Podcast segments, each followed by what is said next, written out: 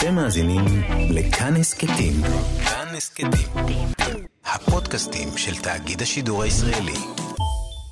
בסיפורו של הנס כריסטיאן אנדרסן, בגדי המלך החדשים, שנקרא במקור בגדיו החדשים של הקיסר, ילד אחד צועק מהקהל וחושף את מערומי הטיפש העומד בראש השלטון, וכולם חושבים שזה המשל וזו המטאפורה. וכולם טועים, כי הסיפור לא נגמר בנקודה הזאת. על פי הסיפור המקורי, ההבנה כי המלך עירום מתחילה, ובכן, להתפשט בקהל. המלך מתחיל לחשוד שהוא באמת צועד עירום, אך הוא ממשיך בתהלוכתו. הוא שטוף מוח ועיוור למציאות.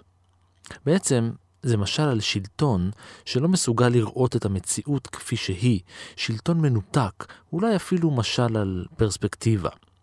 ואפרופו פרספקטיבה, בפולין הגדולה, כשהייתה ממש גדולה, היה פעם מלך אחד, המלך שאול, שמלך במשך תקופה אדירה של לילה אחד.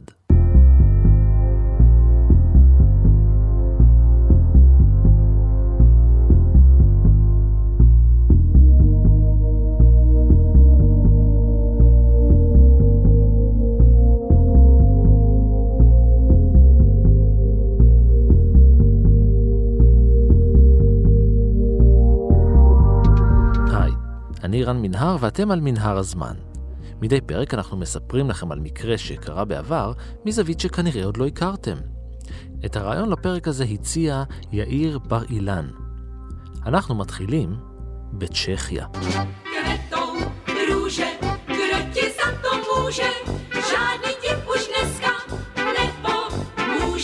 למרות שאמרתי שאנחנו מתחילים בצ'כיה, בעצם זו לא בדיוק צ'כיה, לפחות לא בימים ההם. בשנת 1473 בפראג קראה ללדת יוליה מלכה קצנלנבוגן. התינוק שנולד זכה לשם מאיר, ואחרי שגדל ולמד עבר לפדובה ללמוד בישיבה. הוא התחתן עם חנה, נכדתו של רב העיר, הפך לרב ראשי, והשניים הביאו לעולם את שמואל יהודה קצנלנבוגן. פדובה היא העיר העתיקה ביותר בצפון איטליה, אבל היא לא ממש איטלקית במקור. היא נוסדה על ידי נסיך טרויאני יותר מאלף שנה לפני צליבתו של ישו, ויותר מאלף שנה אחריה היא הייתה לבירת הרפובליקה של ונציה במשך 300 שנה. כבר בצעירותו היה ברור ששמואל יהודה קצנלנבוגן הוא עילוי. די מהר הוא הפך לחבר בבית הדין של ונציה, התמנה לרב ראשי והיה מקושר עם גדולי המנהיגים של יהדות פולין. והקשר הזה עם פולין היה קשר חשוב.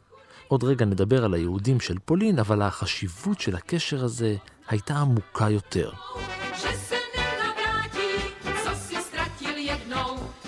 זאת אחת המשפחות הידועות בדיוק בתקופה של המאה ה-16. זוהי דוקטור ענת וטורי, מרצה להיסטוריה במכללת בית ברל וחוקרת היסטוריה כלכלית של יהדות פולין במרכז הבינתחומי בהרצליה. מאיר קצנלבוגן, שהזכרת את אה, לידתו. הוא היה ראש ישיבה בפדובה, ישיבה הגדולה והוותיקה בישיבות באיטליה. הוא היה גם המדפיס הראשון של הספר משנה תורה לרמב"ם. אה, בתקופה מודרנית נעשו כל מיני ניסיונות אה, לחפש ייחוס למשפחה גם כן מלפני אותה מאה ה-16 בה התפרסמו וגם אחרי. מי שבדק לפני אז הגיע לבעלי התוספות ומשם אפילו לרש"י ועד דוד המלך. מי שהסתכל קדימה אז ראה קשרים למשה מנדלסון, לקרל מרקס, למרטין בובר או אפילו יהודי מנוחין, כן? מה שבולט בסיפור שלנו זה אותו קשר שיש אה, למשפחה, קשר בין למדנות להון. כן? זאת משפחה אליטה יהודית, לא רק מבחינה למדנית, אלא גם מבחינת ההון, וכך אנחנו גם אה, רואים את זה בסיפור. בשנת 1541 נולד בפדובה בנו של שמואל יהודה, שאול קצנלנבוגן. הוא למד והתחנך בישיבה של סבא שלו, אחת הגדולות ביותר במרחב כולו, כשאבא שלו היה אחד הרבנים המחנכים שם. כשהיה שאול הצעיר לקראת סוף שנות העשרה של חייו, נשלח אביו כאמור לשמש כדיין ורב בוונציה, ושאול המשיך יחד איתו. במשך שנתיים הוא המשיך ללמוד יחד עם אביו, ואז, אחרי תום תקופת ההסתגלות, ניצל את הקשרים של אבא שלו עם הקהילה בפולין, ועבר לבריסק. שם הוא נכנס לישיבה המקומית.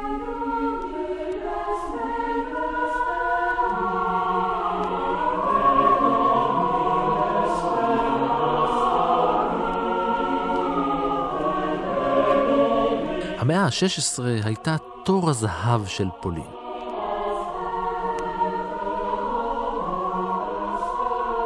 ואנחנו מדברים בעצם בתקופה של אה, התפתחות של פולין, ממש פריחה, כאשר אה, על רקע כן מלחמות אה, דת בהם גועשת אירופה המערבית, פולין פורחת ונחשבת לאחד ה...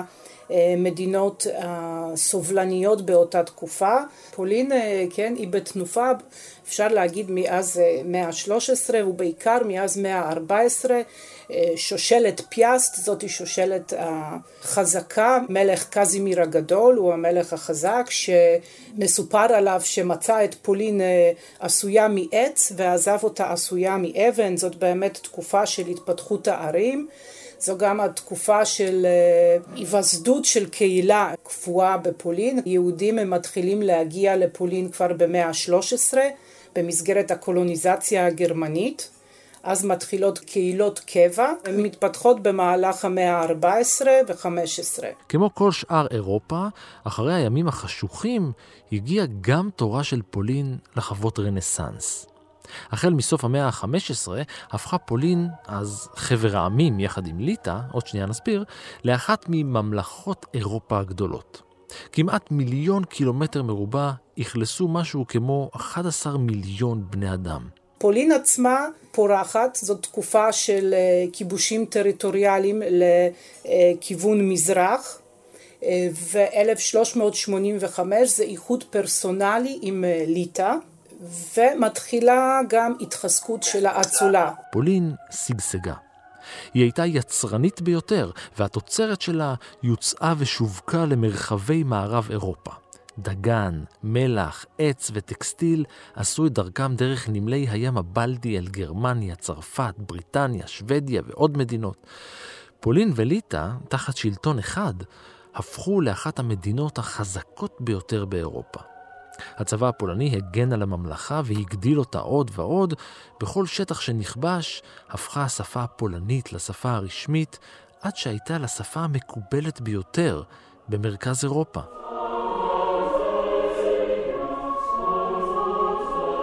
בעוד שאירופה המערבית נפגעת מאוד ממגפה השחורה, בפולין המגפה הזאת פוגעת פחות. ואז כאשר מערב אירופה חב אה, משבר כלכלי וחקלאי, פולין היא זאת שהופכת אה, לאט לאט לאותו אסם של אירופה, אסם התבואה של אירופה המפורסם.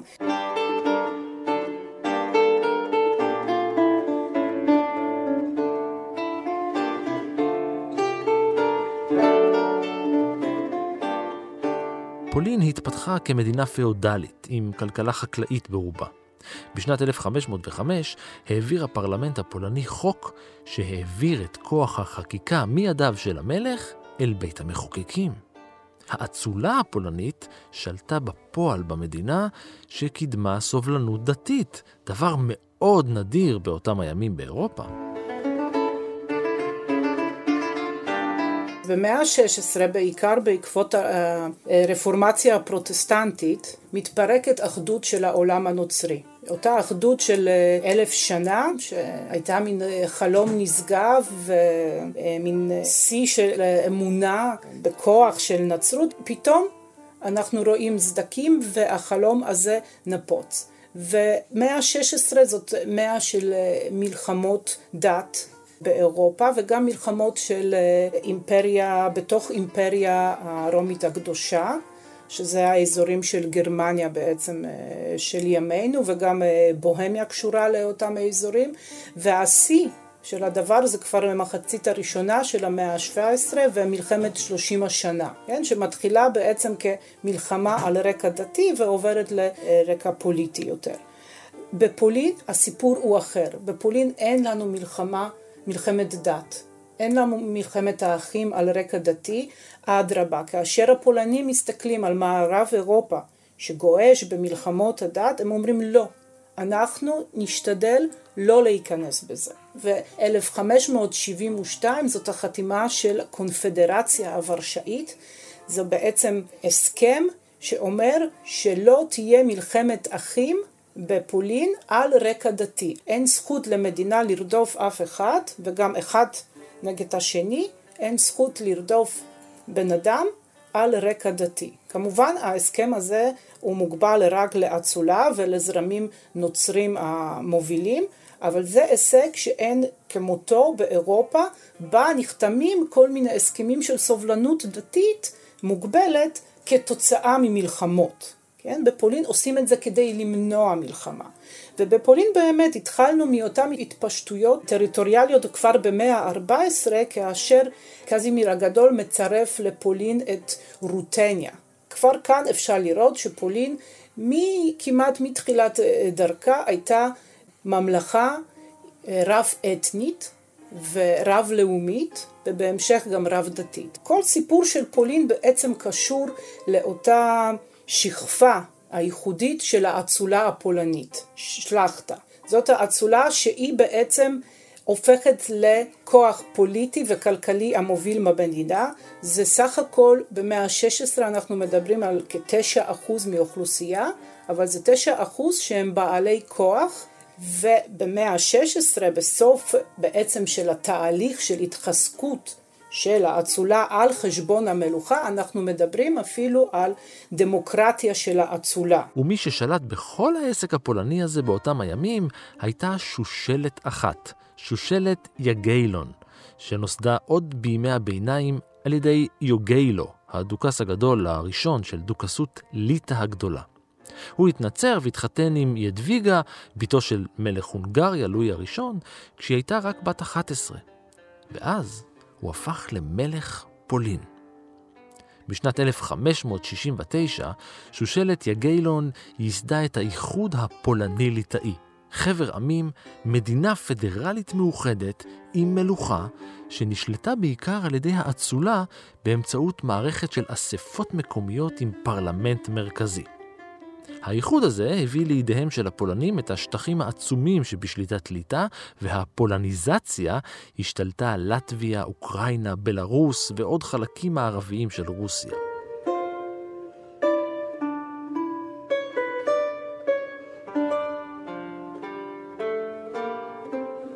מכל השגשוג הזה, די ברור שהמדינה האדירה הזאת, שמושתתת על עקרונות של שוויון בפני החוק וסובלנות דתית, הייתה מאוד מכילה כלפי כל תושביה.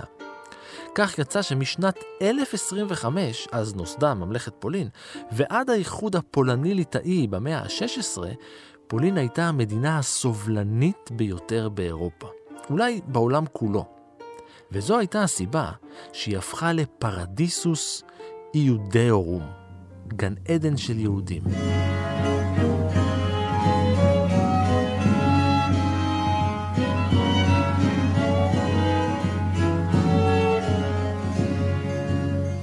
יהודים ממדינות אירופה שנרדפו, גורשו או ברחו, עשו את דרכם אל המדינה היחידה שהייתה מסוגלת לקבל אותם בשוויון. מתחילת המאה ה-16 שלט בממלכה זיגיסמונד הראשון, שהוביל מדיניות של הגנה על היהודים. בנו, זיגיסמונד השני, אוגוסטוס, לא רק שנהג באותה המדיניות הסובלנית, הוא גם העניק להם אוטונומיה קהילתית. פולין הפכה לבית של הקהילה היהודית הגדולה ביותר בעולם. באמצע המאה ה-16 חיו בפולין 75% מכל היהודים בעולם, מה שהפך אותה למרכז התרבותי והרוחני של העם היהודי. היהודים באמת מגיעים מאז מאה ה-13 והם מגיעים כחלק מקבוצה של מהגרים ממערב אירופה, קולוניזציה גרמנית, אנשים שמיואשים מהתנאים הכלכליים וחברתיים של מדינות פאודליות וערים צפופות. הם מגיעים יותר בשל הפרספקטיבות הכלכליות, האפשרויות שיש כאן, כן, של ערים שרק קמות, אמרנו ערים שהיו, כן, מעץ והיו זקוקות לאותם בעלי מיומנויות פיננסיות, מיומנויות שלא היו, כן, באותה תקופה לאוכלוסייה בפולין, רק אוכלוסייה שכן, ערים רק מתפתחות. אין אז מעמד בורגני בפולין, כשיש כפר חזק יחסית במערב אירופה ומקשה על היהודים וזכויות הכלכליות שלהם. אז יהודים מגיעים כבר במאה ה-13 כטבנים, כאנשים שעוסקים במקצועות אורבניים פיננסיים. אבל סך הכל בסביבות שנת 1500 אנחנו מדברים על קהילה בין 5 ל-10 אלף יהודים סך הכל באותם שטחים של פולין. והם ממשיכים להגיע. יש בארץ הרבה טעויות בקשר להגעה של יהודים כן, לפולין אחרי גירוש ספרד. אז הדבר הזה לא קורה, היסוד של הקהילה הפולנית הוא אשכנזי מאזורים של גרמניה ובוהמיה, דהיינו צ'כיה של היום, הם מגיעים מאזורים האלה, אולי קצת מהונגריה, וזיקיסמונט הראשון הוא באמת מזמין לפולין את המגורשים מפראג, מצ'כיה ב-1521, והם מתיישבים בקרקוב בעיקר, כן? קרקוב שהיא אז בירת הממלכה. ההתפתחות הדמוגרפית של היהודים, כפי שציינת, ש-80% מיהדות העולם תהיה באותו קיבוץ הגדול במזרח אירופה, מתחילה באותה תקופה, והיא צירוף של שני אלמנטים. אחד, זה אלמנט של ההגירה, המשך של אותה הגירה ממערב אירופה עד 1648 בערך, עד אותם פרעות ת"ח שפגעו בקהילות בממלכת פולין ליטא, וגידול דמוגרפי, גידול טבעי, שיעור גידול יותר גדול מאותה אוכלוסייה הנוכרית שמסביבה. ב-1503 מינה הכתר הפולני את הרב הרשמי הראשון של פולין, יעקב פולק. 50 שנה אחר כך, עם היחס המכבד לו זכתה הקהילה היהודית במדינה, היהודים קיבלו אישור לבחור בעצמם את הרב הראשי שלהם. הרבנות הראשית עמדה בראש האוטונומיה, והישיבות של פולין-ליטא זכו לתהילה ברחבי העולם היהודי, שכאמור רובו היה באותו המקום. בשנת 1573 התכנסו בוורשה אצילי פולין וליטא וחתמו על מסמך בו נציגי כל הדתות הגדולות הבטיחו תמיכה וסובלנות הדדית. באמצע המאה ה-16 החלה פולין לקבל מהגרים גם מאיטליה ומטורקיה. כך הגיע אליה גם שאול קצנלנבוגן, שנכנס לישיבה המקומית בבריסק.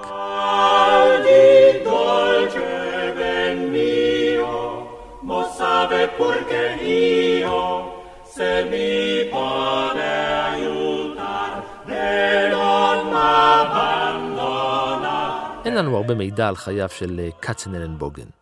ככל הנראה, כיוון שהגיע מאיטליה, לשמו נוסף עוד כינוי, ביידיש, ואל, מאיטליה.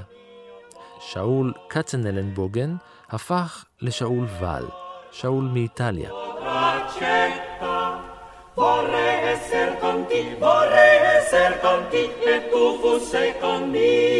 במדינה המתקדמת פולין, הוא התחתן עם דבורה דרוקר ושימש כראש ישיבה.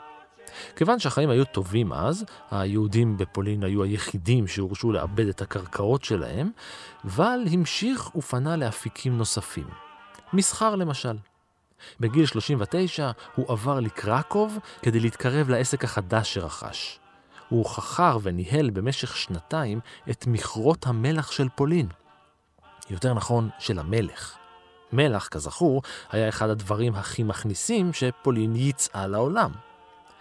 כנראה שוואל היה ממש טוב בזה, כי אחרי השנתיים האלה הוא הפך לאחד האנשים המקורבים ביותר למלך שלחשו על אוזניו. איך הוא הפך ליועצו של המלך? תלוי את מי שואלים. צריך להסתכל על דמות של שאול ואל בשני היבטים. אחד זה דמות היסטורית ואחד זה דמות מהאגדה. מבחינה היסטורית מה שאנחנו יודעים זה שכנראה נולד בשנות ה-40 של מאה ה-16 ולא ברור לנו מתי בדיוק הוא הגיע לאותה ישיבה המפורסמת בבריסק, כנראה מתישהו בשנות ה-60 של מאה ה-16. ב-1578 הוא חותם חוזה מאוד חשוב ומאוד גדול על חכירה של אה, מכרות אה, מלח של מלך פולין. זאת החתימה שלו שיש לנו, כן? זאת העדות היסטורית לבן אדם, ודמות שלו מופיעה גם בשנות ה-80 של מאה ה-16 כמשתף פעולה עם ועד יהודים, הוא סוג של שתדלן למען הקהילה היהודית, הוא בין הפרנסים של אה, אותה קהילת בריסק, והוא גם משתף פעולה עם עוד יהודים. יש לנו עדויות להשתתפות שלו בבתי משפט בין היהודים אה, של בריסק לנוצרים אה, בורגנים באותה עיר, כן, על כל מיני הסדרים. הוא מופיע כפרנס הקהילה. זה הידע ההיסטורי שיש לנו לגביו. הוא גם ב-1589 הוא קיבל תואר של סוכן מלכותי. הראשון שפרסם את הסיפור היה הירש אדלמן, היסטוריון וארכיביסט אה, יהודי, כבר ב-1854, והוא התבסס על הכתב יד עברי מ-1730. עד 1730 אה, הסיפור הזה התגלגל אה, במסורת שבעל פה.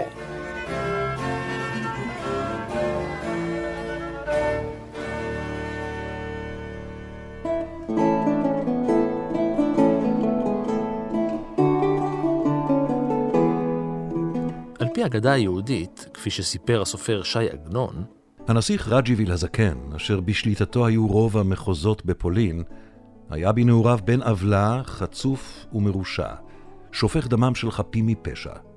הוא רצח נפשות טהורות רבות, הפיץ דברי שקר על אחינו היהודים האומללים אשר בצילו חיו. מהם השליך לכלא, מהם הרג, המית עליהם אך צרה ויגון, תזיל עליהם עין הקורא דמעה. בשלב מאוחר יותר של חייו, האציל הליטאי הזה החליט שהוא חייב לכפר על הזוועות שביצע כשהיה צעיר, ולכן יצא למסע רגלי לרומא. הוא רצה להתייעץ עם האפיפיור לגבי האמצעים הטובים ביותר לגמול על חטאיו. אמר לו הכס הקדוש, גדולים מדי עוונותיך לשאתם איתך. חטאיך כבדים היו, אך באלה יימחל לך. נע ונד ללא מנוחה בנכר תהלך, שלוש שנים, אלמוני. חיים עגומים תחיה, מזונך דל יהיה, רק לחם ומים. אז אולי ימחלו עוונותיך, וכפרה תבוא על חטאיך. במילים אחרות, האפיפיור המליץ לו לפטר את כל משרתיו ולנהל במשך כמה שנים חיי קבצן נודד. כיוון שדבריו של האפיפיור יקרי ערך היו בעיניו, פשט בגדיו היקרים ולבש פשוטים. ורק הבגד שעליו סמל האצולה לבש מתחת לכל בגדיו. וילך מעיר לעיר ומארץ לארץ, לפרק הזמן שקצב לו האפיפיור. לאחר תום התקופה שנקבעה, רג'יוויל מצא את עצמו חסר כל, בלוי ומסמורטט. הוא הגיע לפדובה שבאיטליה, אבל אף אחד לא עזר לו. כשסיפר להם שהוא בכלל נסיך, הוא זכה לקיתונות של בוז ולעג. כדי לנוח מעט, התיישב הנסיך האומלל מול ביתו של הרב שמואל יהודה כצנלנבוגן, אבא של שאול ואל. ורוח נשבה בבגדיו של הנסיך. והרב הביט מבעד החלון, ולעיניו נצנץ סמל האצולה, הטמון בין קרעי בגדיו של הנסיך, כי עשוי היה זהב טהור ואבני אודם. וישלח הרב את נערו להביא איש זה לביתו. הרב כצנלנבוגן קיבל אותו בכבוד רב, התייחס אליו בחביבות רבה, ואחרי שדחק בו לספר לו את האמת, התוודה רג'יוויל וסיפר לראש הישיבה את כל קורות חייו. הגיע הזמן לשוב לביתו, אך כספו אזל, ואין בידו דבר למשכנו, ואין לו מכר או מודע שיוכל ללוות ממנו. הרב כצנלנבוגן סיפק לו את האמצעים לחזור לליטא.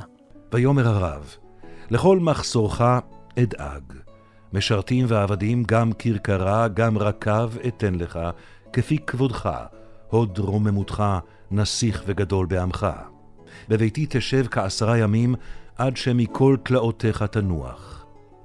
נאות הנסיך, וישב זמן מה בנעימים ובכבוד, בביתו של הרב, ושיחק עם ילדיו הקטנים של הרב, וקרא לכל אחד בשמו. וכאשר ראה הנסיך תמונת נער יפה תואר ומראה, אחד מבניו של הרב, והנער לא היה, שאל את הרב, היכן הנער? האם בחיים? אם לאו. נאנח הרב ואמר, לא אדע היכן הוא, אם בחיים הוא, כי שנים רבות חלפו מאז את ביתו עזב. כשהגיע הזמן לעזוב, שאל הנסיך את הרב כיצד יוכל להשיב לו על החסד שלו. הרב כצנלנבוגן ביקש שימצא את שאול בפולין. אם נא מצאתי חן בעיניך, אתכבד לבקשך, עם הגיעך לארצך, לחפשו עד שתמצאהו, וחסד עמו תעשה, כפי שאני לך רק טוב עשיתי.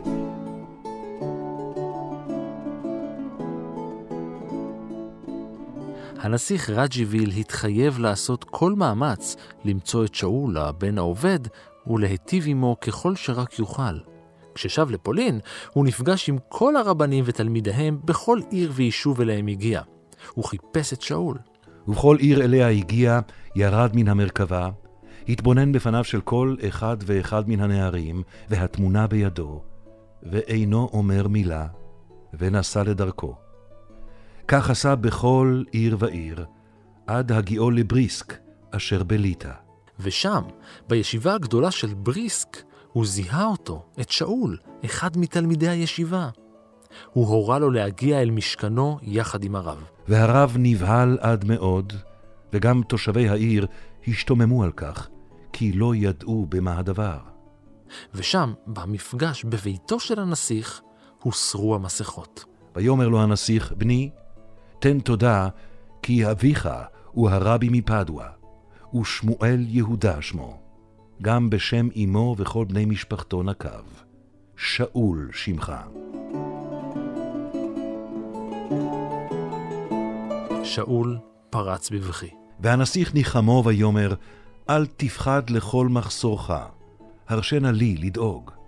ויצווה על הרב להאכילו על חשבונו במאכלי מלכות, בשפע הראוי לנסיך.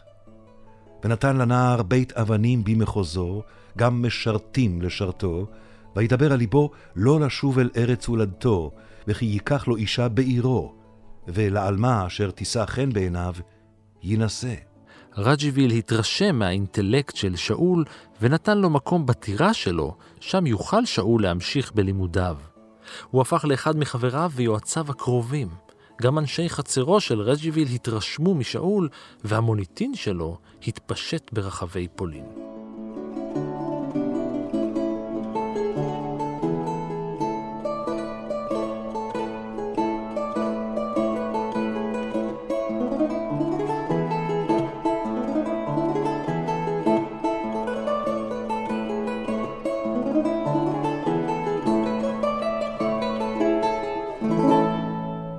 אין לנו עדויות לאותו קשר בין אה, נסיך רג'יוויל, בסיפור עצמו הוא מתואר כנסיך האצילים, אחד הרוזנים, נסיך הנצילים, ובאחד המקורות גם מתואר כסגן של מלך. אין לנו עדויות היסטוריות לקשר בין שניהם.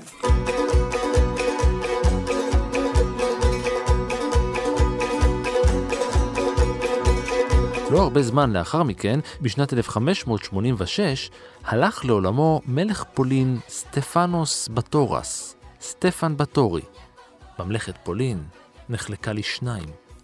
מצד אחד תומכי משפחת זמויסקי, מצד שני תומכי משפחת זבורובסקי.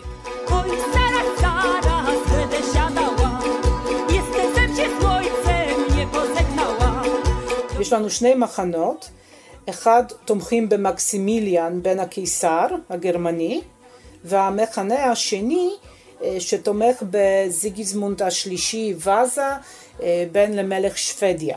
ואותו אה, רג'יבי הוא מהתומכים של מחנה הקיסר הגרמני.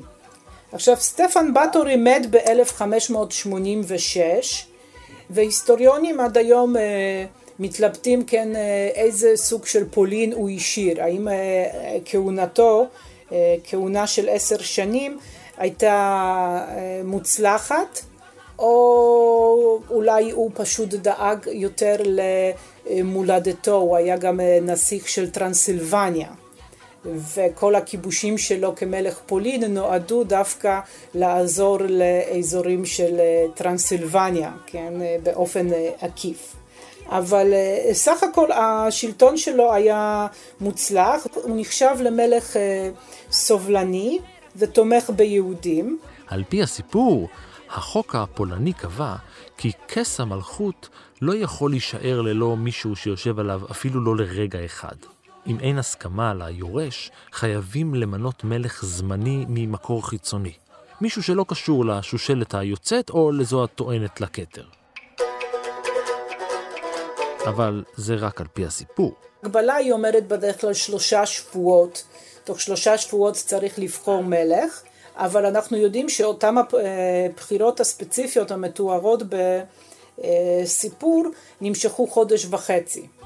האלמנט הזה בסיפור שכן חייבים לבחור מלך לפני השקיעה הוא לא הנכון. אנחנו יכולים לשער מאיפה זה מגיע. ז- זאת אגדה בעצם. יש כאן אלמנטים של אגדה, כן? בעצם ליהודים לא היו זכויות פוליטיות. רק אותה אצולה הייתה מתכנסת לבחירות של המלך. למרות זאת, נציגים של קהילה יהודית, אותם שתדלנים שאנחנו קוראים להם יותר מאוחר, אותם לוביסטים למען קהילה יהודית, אותם נציגים של ועד ארבע ארצות, אותם הלוביסטים נמצ... היו שם והיו נוכחים וידעו כיצד מתנהל הפרלמנט הפולני, סיים. כן? הם היו נוכחים, הם דאגו לאינטרסים של יהודים, עשו באמת לובינג כמו שעושים גם היום. והם ראו שהדיונים מסתיימים עם שקיעה. אוקיי? היה מין, מנהג שלא להמשיך את הדיונים אחרי שאין אור, כן? לאור הנרות, כפי שנכתב. היסטוריונים חושבים שכך זה נכנס לאותה אגדה. נתאספו השליטים בוורשה להמליך מלך עליהם, ובא גם הנסיך רג'יביל, ולקח עמו את שאול האיש, כי דבר לא יעשה בלעדיו. רג'יביל הציע כי שאול ואל ימונה למלך הזמני. וכיוון שאת מוצא פיו להמיר לא יכלו, ענו ואמרו, יחי, יחי הנשיא שאול, בחיר האל. ב-18 באוגוסט 1587, ואל נבחר והוכתר כמלך פולין.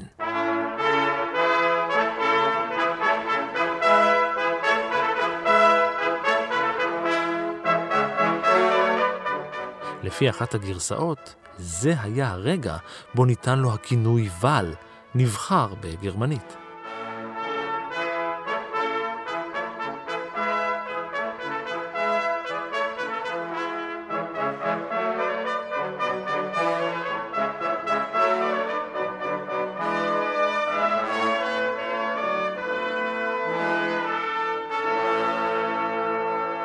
לפי האגדה, הוא חוקק חוקים והתקין תקנות להיטיב עם היהודים. אנחנו צריכים לשאול את עצמנו מדוע הוא נבחר למלך, ויש לכאן אה, השערה, כן, שיכול להיות שיש כאן השאלה מסיפור ברוקי של היפוך העולמות, שבין המיעוט, שמחוס, מיעוט שמחוסר זכויות פוליטיות, מקבל את מרב הזכויות, כן, במין סיפור על עולם ההפוך.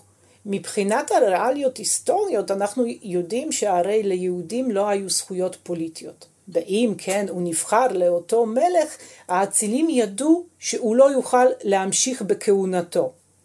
אם היו בוחרים בכל מישהו אחר, הוא היה יכול לטעון אחר כך שהכתר הוא שלו. מצד אחד היהודים הם חלק אורגני מאותו עולם הפוליטי, חברתי, כלכלי של פולין ליטא, מצד שני, אין להם את הזכויות הפוליטיות, כן? אין להם את מלוא הזכויות, והוא לא יכול לטעון לכתר, הוא לא יכול להמשיך. אז האצילים מרגישים בטוחים להפקיד את הכתר בידיו. כאשר אנחנו שומעים את ההגדה, צריכים לשאול את עצמנו שני דברים. אחד זה בעצם מה מלמדת אותנו ההגדה על אותו עולם היהודים בפולין ליטא, יותר על ליטא מאשר פולין, באותם רגעים של מאה ה-16 ותור הזהב כאמצע מאה ה-17. הרובד השני בעצם הוא על אותם האנשים שהפיצו את ההגדה. כן? יסדו את ההגדה, הפיצו וכתבו אותה אה, ופרסמו אותה, מה הם בעצם ראו. וכאן אה, ההיסטוריונים ספורים שיש כאן אה, רגש של נוסטלגיה, נוסטלגיה אל אותו תור הזהב. אותם החוקים שכביכול שאול חוקק באותו לילה נחקקו לפני ואחרי אותם בחירות. הדיונים בדבר זהותו של המלך הקבוע נמשכו עד סופו של אותו יום, וגם לאחר מכן, אל תוך הלילה. למחרת התכנסו החברים להצבעה על זהותו של המלך הבא, אבל שוב הגיעו לתיקו. הם לא הצליחו להגיע להחלטה. אז הם פנו אל המלך כדי שיכריע. שאול ואל הכריע, הנסיך זיגיסמונד הוכרז כמלך זיגיסמונד השלישי, מלך פולין, ותקופת שלטונו של שאול נגמרה. תור הזהב של המלך היהודי נגמר אחרי יממה.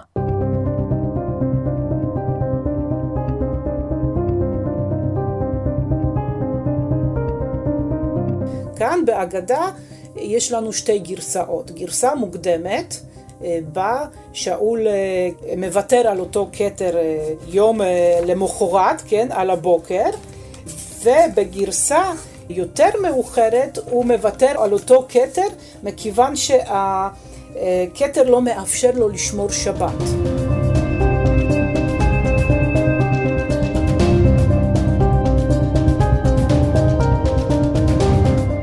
התקופה של אינטרגנום, בין מלך למלך, אותה תקופה שאין שליט, נחשבה לתקופה שבה ניתן דווקא להעביר חוקים שבזמנים אחרים לא היו עוברים. חוקים כמו שמתואר ששאול העביר פגיעה על הריגה של יהודי, עונש ומוות כמו על הריגה של אציל, כן, החוק הזה לא היה עובר במאה ה-18. מבחינת היהודים, בעצם החוקים הטובים נחקקו עוד לפני כהונתו של סטפן בטורי. סטפן בטורי נחשב כמלך שהיה פרו-יהודי, בעיקר בגלל אה, חוק אחד שהוא חוקק כנגד אה, האשמות על אה, עלילות דם ועלילות לחם הקודש.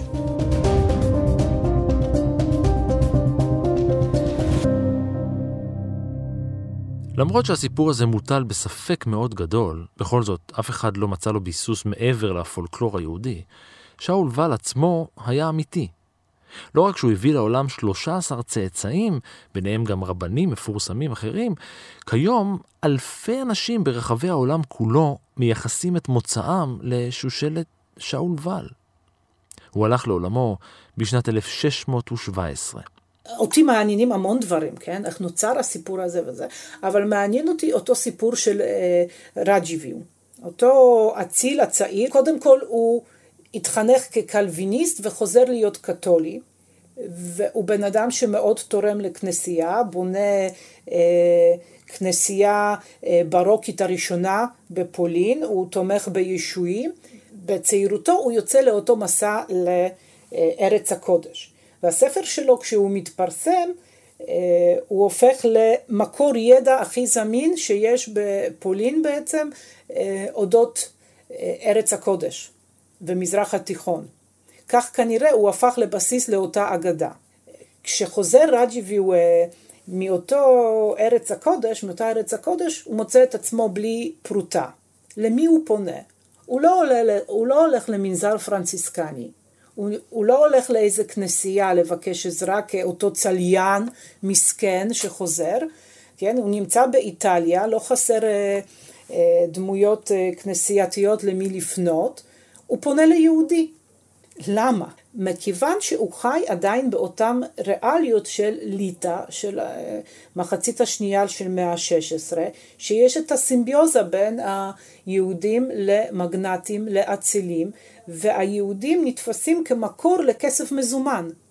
יהודים הם אלה שמאפשרים לאצילים חיי פאר משתי הסיבות. מצד אחד, הם מביאים להם אה, כסף מזומן בתמורה לחכירה, והם הופכים למנהלים של אותם האחוזות, נחלות הגדולות של אותם האדונים, ומאפשרים להם לחיות רחוק מאותם הנחלות במזרח, בליטא ובאוקראינה, ולחיות בוורשה בבירה ולנהל חיי פאר ולעסוק בפוליטיקה, כאשר הם מנהלים את, את אותם האחוזות. דבר נוסף, רג'יבי הוא כנראה היה מודע מאוד לאותם הקשרים שיש ליהודי מזרח אירופה עם הקהילות ועם אה, יהודים בכל התפוצות במערב אירופה. ומשום כך לא היה לו שום ספק שהוא יוכל להחזיר את אותם הכספים באיזשהו אופן. ובסיפור אה, מסע של רג'יביו שהוא כתב ופרסם אה, מסופר על גובי מיסים יהודים שהוא פגש במצרים שהיה להם קשרי משפחה ליהודים בהאום שבפולין. אז זה כנראה בכלל הבסיס לאותו כן, קשר בין, אה, אה, שמופיע בסיפור שלנו. עם היחלשות חבר העמים, הסובלנות המסורתית של אה, פולין החלה להיעלם החל מהמאה ה-17. בסוף המאה ה-18 נחלקה פולין, הפסיקה להתקיים כמדינה, ויהודי הממלכה לשעבר הפכו לנתיניה של האימפריה הרוסית, האימפריה האוסטרו-הונגרית ופרוסיה. היחס לקהילות היהודיות השתנה מקצה לקצה. ולמרות זאת, לאחר מלחמת העולם הראשונה, כשפולין השיבה לעצמה את עצמאותה, היא שוב הייתה למרכז העולם היהודי באירופה עם אחת הקהילות היהודיות הגדולות בעולם, יותר משלושה מיליון יהודים. השלוש מיליון היהודים שיש לנו לפני uh, מלחמת העולם השנייה, זה בעצם מה שנשאר אחרי uh, גל ההגירות שמתחיל ב-1880, כן? אותה הגירה הגדולה. אז uh, באמת זה קיבוץ עצום של uh, יהודים. ופולין החדשה, כן, נוצרת ב-1918, היא מדינה מלאת תקווה. ויהודים רואים את עצמם בהתחלה כחלק מאותו עם שמקבל עצמאות אחרי המון שנים, הם רואים את עצמם כבעלי אותם תקפות לשגשוג כלכלי, להתפתחות אינטלקטואלית, ובאמת אחד התחומים שמתפתחים זה אותו חינוך היהודי, כן, בתי ספר, ריבוי של בתי ספר ותנועות נוער, המון השקעה בחינוך, יחד עם זאת. זאת מדינה שהיא במשבר כלכלי ופוליטי לא פשוט, בעיקר כלכלי, פוגע גם ביהודים. הם סובלים אה, כמו כולם, ואם לא יותר, כן, אה, העוני בחברה היהודית ופערים הם אה, גדולים מאוד, והאנטישמיות היא הולכת ככל שהמתפוגגות התקפות של המדינה הצעירה, כך האנטישמיות הולכת ועולה, ויהודים לאט לאט מתחילים להרגיש שיש כאן אה, בעייתיות אה, למצוא את עצמם לצד אותה התעוררות של לאומיות המודרנית בפולין.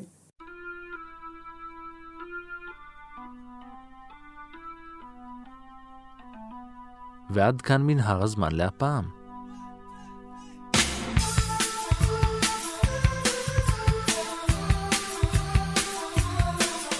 תודה לענת וטורי, תודה מיוחדת לקובי מידן על קטעי הקריינות.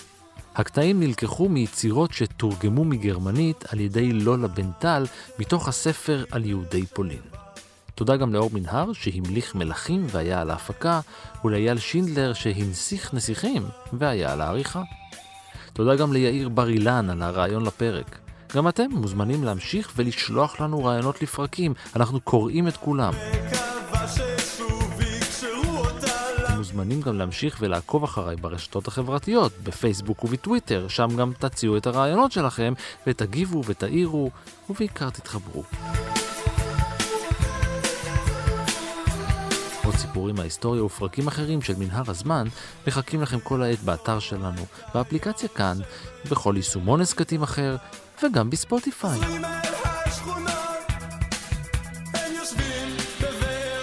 אני רן מנהר, נשוב וניפגש בפרק הבא.